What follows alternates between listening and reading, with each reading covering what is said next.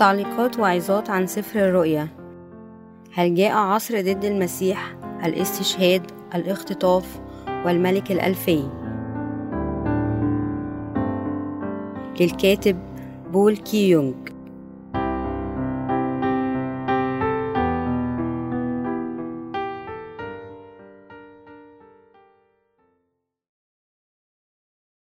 الإصحاح الثامن الفقرة الأولى. الأبواق التي تعلن الضربات السبع. رؤية الإصحاح الثامن الآية الأولى إلى الآية الثالثة عشر.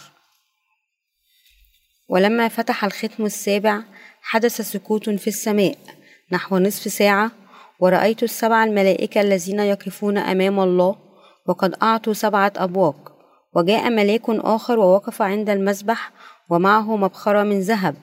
وأعطى بخورا كثيرا لكي يقدمه مع صلوات القديسين جميعهم على مذبح الذهب الذي أمام العرش.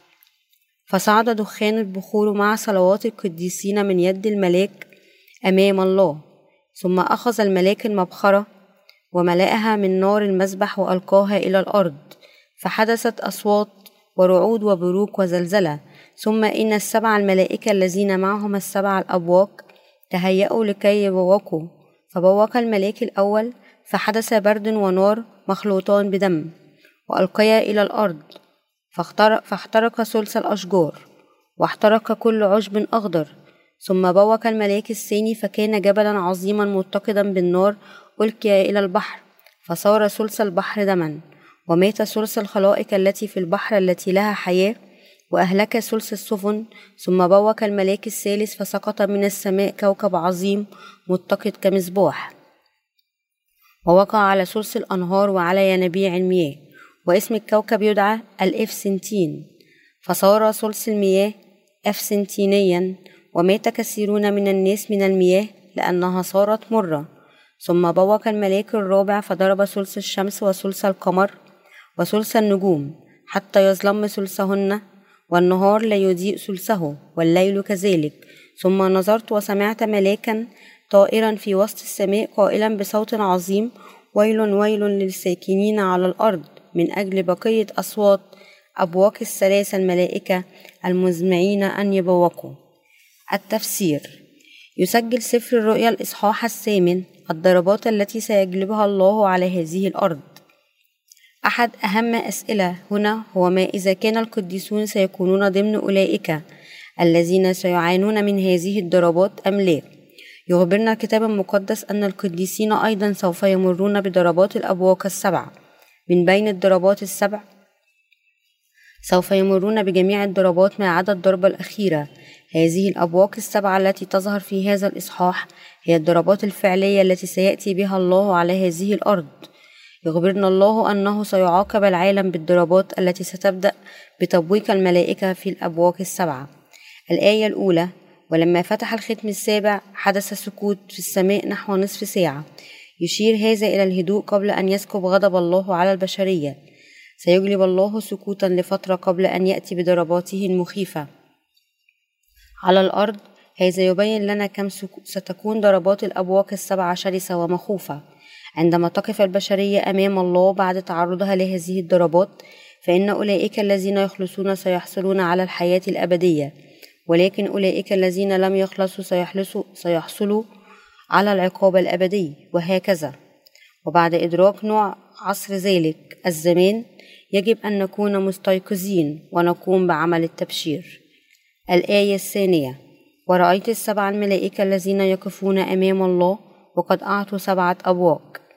استخدم الله الملائكة السبعة ليقوموا بعمله لكن دعونا لا ننسى أنه في عصرنا اليوم يعمل الله من خلال الأبرار الذين يؤمنون بكلمة إنجيل الماء والروح. الآية الثالثة وجاء ملاك آخر ووقف عند المسبح ومعه مبخرة من ذهب وأعطى بخورا كثيرا ليقدمه مع صلوات القديسين جميعهم على مسبح الذهب الذي أمام العرش.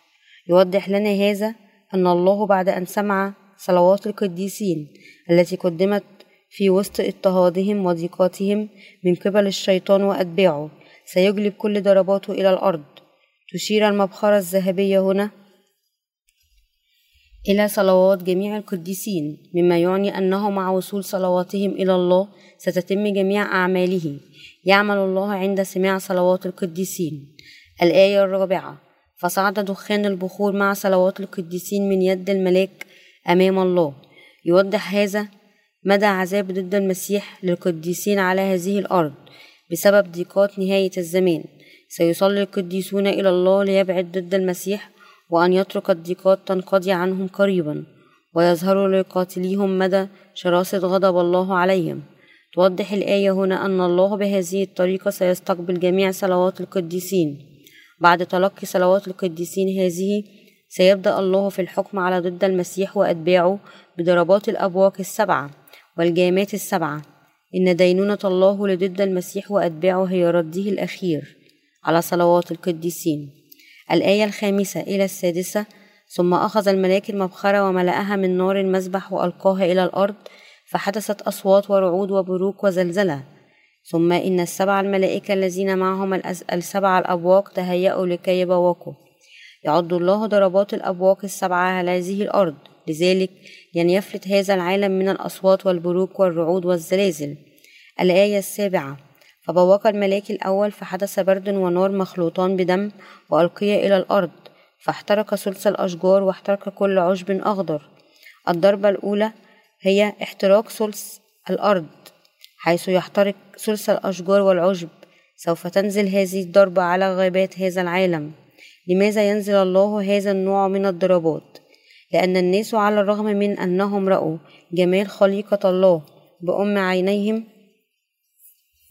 لم يعترفوا بالخالق أنه الله ويعبدوه بل واتقوا وعبدوا المخلوق دون الخالق. رمي الإصحاح الأول الآية الخامسة والعشرون. لذلك يجلب الله ضربات الأبواق السبعة لأولئك الذين لا يعطون المجد لله بل يكفون ضده. الآية الثامنة إلى التاسعة ثم بوك الملاك الثاني فكان جبلا عظيما متقدا بالنار ألقي إلى البحر.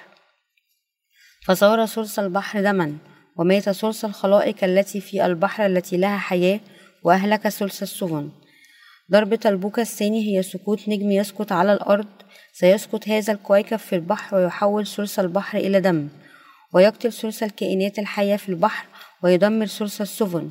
من خلال الطبيعة التي خلقها الله نالت البشرية بركات كثيرة لكنهم بدلا من شكر الله على نعمة الطبيعة استكبروا وانقلبوا على الله. الضربة الثانية تعاقبهم على هذه الخطية. الآية العاشرة ثم بوك الملاك الثالث فسقط من السماء كوكب عظيم متقد كمصباح ووقع على ثلث الأنهار وعلى ينابيع المياه. لماذا سمح الله للكويكب أن يسقط على ثلث الأنهار وعلى ينابيع المياه؟ لأن البشر على الرغم من أنهم يعيشون بواسطة الرب الذي هو معطي الحياة لم يعبدوه ويشكروه بل احتقروا رب الحياة هذا. الآية الحادية عشر واسم الكوكب يدعى الإفسنتين فصار ثلث المياه أفسنتينيا. ومات كثيرون من الناس من المياه لأنها صارت مرة. من هذا الضرب سيتحول ثلث الأنهار والينابيع إلى أفسنتين ويموت الكثيرون من شرب مياههم. هذه هي ضربة العقاب الخطاة الذين وقفوا ضد الله وعذبوا قلوب القديسين. لن يتوانى الله عن أبدا عن الانتقام من الخطاة على كل أعمالهم المرتكبة ضد الأبرار. عندما يجلب الخطاة المعاناة للأبرار سيدينهم الله. والضربة الثالثة هي ضربة أخرى على الطبيعة ستحدث بسبب خطية عصيان الناس بعدم الإيمان بإنجيل الماء والروح الذين أعطاهم الله يشير مصطلح الأفسنتين في الكتاب المقدس دائما إلى دينونة أولئك الذين يعصون الله ويعارضونه. الآية الثانية عشر ثم بوك الملاك الرابع فضرب ثلث الشمس وثلث القمر وثلث النجوم حتى يظلم ثلثهن والنهار لا يضيء ثلثه والليل كذلك. والضربة الرابعة هي إظلام ثلث الشمس والقمر والنجوم طوال هذا الوقت. كانت البشرية تتبع الشيطان وأحبت الظلمة وهكذا كرهوا نور الخلاص الذي أشرق بإنجيل الماء والروح اللذين أعطاهما يسوع المسيح وهكذا لتعليمهم. كيف أن عالم الظلمة مرعب وملعون حقا فإن الله سيجلب عليهم ضربة الظلام هذه والضربة هي أيضا إظهار مدى شراسة غضب الله بسبب خطاياهم المتمثلة في كره يسوع المسيح ومحبتهم للظلمة. ونتيجة لذلك فإن ثلث الشمس والقمر ونجوم هذا العالم سيفقدون نورهم ويظلمون. الآية الثالثة عشر ثم نظرت وسمعت ملاكا طائرا في وسط السماء قائلا بصوت عظيم ويل ويل ويل للساكنين على الأرض من أجل بقية أصوات أبواق الثلاثة الملائكة المزمعين أن يبوقوا. تخبرنا هذه الآية أنه لا تزال هناك ثلاثة ويلات أخرى ستقع على كل من يعيش على هذه الأرض. لذلك يجب أن يخلص كل الخطاة وكل الذين يقفون ضد الله من خطاياهم بالإيمان بإنجيل الماء والروح في أسرع وقت ممكن.